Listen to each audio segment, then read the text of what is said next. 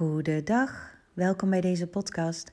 Mijn naam is Janneke en ik ga praten over vermijding. Vermijden als strategie wanneer je niet lekker in je vel zit, wanneer het slecht met je gaat, wanneer je laag in energie zit, of misschien zelfs al wanneer het goed met je gaat, maar je gewoon bepaalde gebieden hebt, bepaalde zaken waarop je altijd in de vermijding gaat. En in de mildere variant uh, heet dat dan uitstelgedrag. Bijvoorbeeld als het gaat over een hele moeilijke taak. Je zit wel lekker in je vel, maar je weet die taak is moeilijk, dus je stelt het uit, want je ziet er tegenop. In de kern heeft dit te maken met je zelfbeeld. Iets niet gaan doen heeft ermee te maken dat jouw denkgeest soms in een nanoseconde een beeld van jou in de toekomst projecteert waarin jij faalt, mislukt, het mogelijk allemaal niet weet, uh, domme dingen doet. In een, in een nanoseconde en soms heel duidelijk zie je voor je dat dit allemaal niet lukt. En heb je daar ook nog uh, bewuste gedachten bij van, oh, dat zal allemaal mislukken. Dus dat kan ook, dat het heel erg aan de oppervlakte ligt. Uh, maar soms dan gaat het heel snel aan je voorbij. Het gaat in ieder geval over je zelfbeeld. Je gelooft daar een beperkt wezen te zijn, met beperkte mogelijkheden, die uh, op misschien wel overweldigd gaat worden, die er niet uit gaat komen. Terwijl je in realiteit gewoon hier en nu bent. Dus het is echt projectie van de denkgeest, die wij in principe allemaal vaak aannemen als normaal, als de werkelijkheid. Dus die gedachten die die ondervragen we niet eens. Daar gaan we gewoon van uit. Dat zien we als reëel, realistisch zijn. En dat is het niet. Dat is het niet. Het is niet realistisch zijn, het is creatie wat je daar doet. Je creëert namelijk jouw hier en nu vol angst, vertwijfeling. Uh, je drukt op de rem, je, zit, je zet jezelf vast, je blijft op je plek, omdat je op dat moment angst aan het creëren bent. Het is niet realistisch afstemmen op de toekomst. Het is het creëren van de toekomst wat je daar doet. En in alle onschuld doe je het heel angstig. Om een voorbeeld te geven, pak ik een situatie uit mijn oude leven. Ik woonde in een appartement in mijn eentje met een bijstandsuitkering. Ik zat behoorlijk laag, ik had een burn-out en ik moest af en toe de boodschappen doen. En ik stelde dat zo lang uit dat ik regelmatig last minute naar de snackbar um, beneden aan mijn trap liep om avondeten te halen. Omdat ik gewoon niks meer had en ik ontzettende honger had. Zo groot was mijn angst. In die periode heb ik geleerd mijn denken te onderzoeken en mijn denken te herschrijven. Dus het werk dat ik nu met andere mensen doe. Uh, dus ik ga je uitleggen wat daar gebeurde. Ik zat op de bank en er moesten boodschappen komen. En in een flits zag ik mezelf, zag ik poppetje Janneke, lopen door die straten als mislukt meisje. Met het hele verhaal van ik heb niks bereikt. Met gebogen schouders, lelijk en angstig, bang om mensen tegen te komen. Waardeloos. En als die waardeloze vrouw wilde ik daar absoluut niet lopen. Want ik wilde onzichtbaar zijn. Ik wilde niet zichtbaar zijn. Want zichtbaar zijn zou betekenen dat mensen zouden kunnen zien hoe waardeloos ik was. Dus ik projecteerde een poppetje in de toekomst. En dat poppetje maakte ik een heel waardeloos, mislukt figuur vanuit mijn verhaal. Daarin deed ik ook de aanname dat andere mensen dat in mij en aan mij zouden zien. Je kunt niks anders. Je projecteert altijd wat je over jezelf gelooft op de buitenwereld. Dus daarmee voelde ik de pijn van de ogen op mij gericht, die mij allemaal zouden bevestigen hoe mislukt ik was. Dus dan kun je je voorstellen dat naar de supermarkt gaan een grote taak is, als dit in je hoofd afspeelt. Nu is de oplossing om dit zelfbeeld heel anders te zien en om heel anders over die straat te lopen. Niet zo simpel als in een podcast op te lossen. Maar het is wel simpel. De oplossing is wel simpel. Het is namelijk Ten eerste beseffen dat de pijn hem niet zit in de waarheid van jouw geloof, dat je waardeloos bent. Maar de pijn zit hem erin dat je daar een beeld projecteert met je denkgeest wat juist absoluut niet waar is. Het doet ontzettend veel pijn om heftige dingen te geloven over jou die niet kloppen met jouw natuur. Jij bent pure liefde. En zo'n beeld van jezelf neerzetten in je denkgeest, wat je in alle onschuld doet, je kunt niet anders, het zit gewoon in je programmering nog, doet pijn. Het doet pijn, want je splijt jezelf op in wie je werkelijk bent, die pure onschuld die daar op die bank zit, en dat beeld wat je maakt van jezelf. Dat verdrietige, boze, nare beeld. Dat doet pijn. En het doet pijn omdat je in dat beeld gelooft. Dus je kunt dat beeld dichtbij halen en het aankijken. En dan is mijn vraag: ben jij de persoon die op de bank zit of ben jij de persoon? Ben jij dat poppetje in je hoofd? Ben jij dat beeld in je denken? Je bent geen twee. Dus ben je dat beeld of ben je die persoon op de bank? Puur om te gaan zien dat je die denkprojectie niet bent. Nu heb je nog iets te realiseren. Met deze denkprojectie creëer jij jou hier en nu.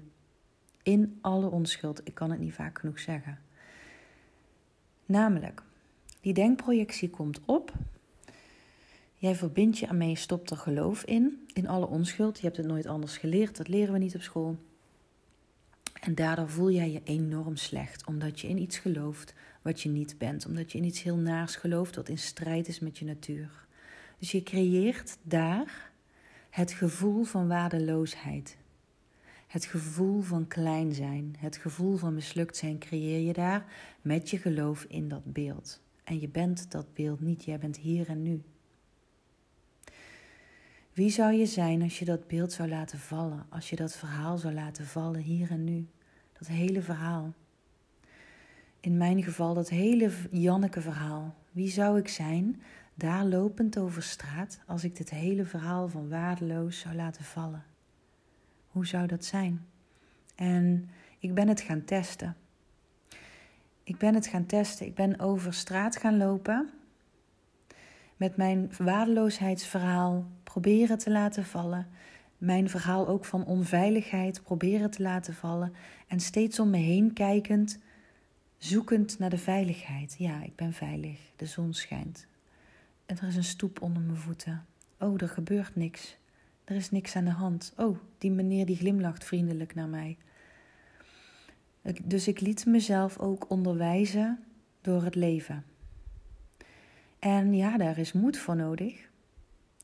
Om je verhaal te herschrijven is soms moed nodig om daadwerkelijk het leven in te gaan en te gaan ervaren. En mijn ervaring is dat leven goed is en dat wij zelf de hel kunnen creëren. Nog even een ander concreet voorbeeld. Stel, je moet de belasting doen en je stelt dat maar uit en uit en uit.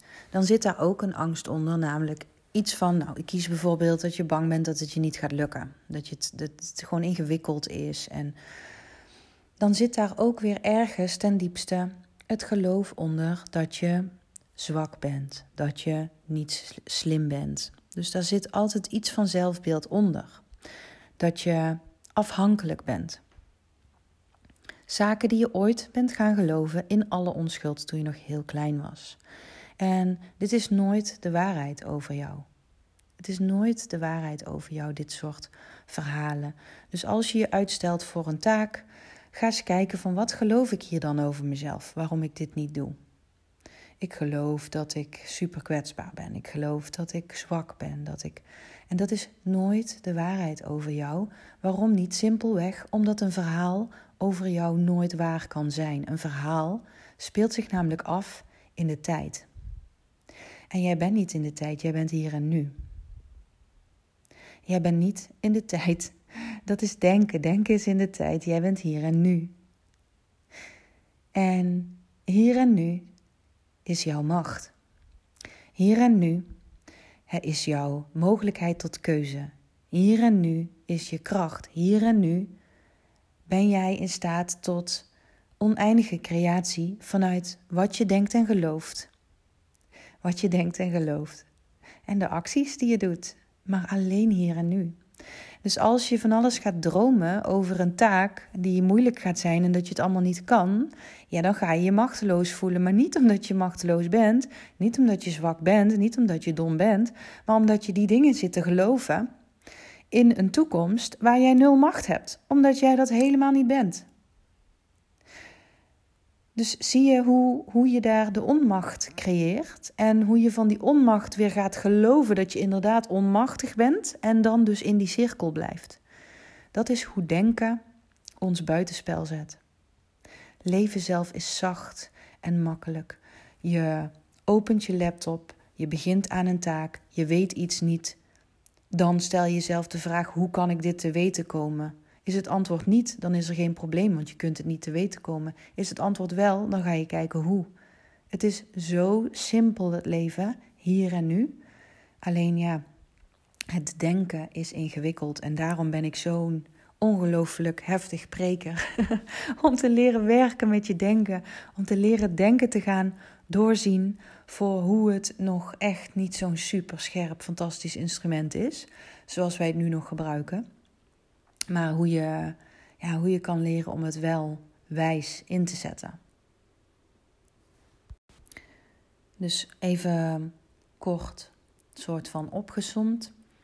Vermijding is een strategie vanuit angst. Angst komt vanuit een denkprojectie die je doet in de toekomst, waarin je een negatief zelfbeeld projecteert. Dus altijd gelooft in iets van zwakte van jezelf, van kwetsbaarheid, van machteloosheid. En dit is niet waar. Dit ben je aan het creëren met je geloof. Daardoor ga je het voelen, niet omdat het waar is. En het voelt niet goed omdat het niet klopt met wie je werkelijk bent. Tegelijkertijd haal je je eigen macht weg omdat je probeert in de toekomst iets te bereiken en de toekomst bestaat niet. Je bent hier en nu. Dus je bent hier en nu machteloosheid aan het creëren.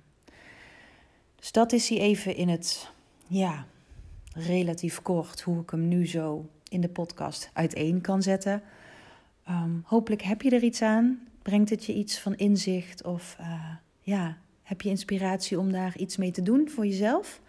En uh, mocht je hiermee de diepte in willen gaan, dan heb ik op 13, 14 en 15 januari een fantastisch retreat waarbij dit de kern eigenlijk der kernen, de kern van onvrijheid en van lijden, het thema is. 13, 14, 15 januari in Sint Agatha een retreat. En dan mag je me DM'en op Instagram als je interesse hebt om mee te gaan. Dan stuur ik je een mailtje. En ik heb ook nog plek voor één op één begeleiding. Dus weet me te vinden uh, als de bewuste optimist op Instagram. Je bent welkom. En dat was hem voor nu. Ik wens je een hele fijne dag in je kracht. dat is een kotsopmerking, hè? Maar het is wel waar in je kracht, in het hier en nu, in de realiteit, in wie je werkelijk bent. En dan uh, tot de volgende. Bye bye.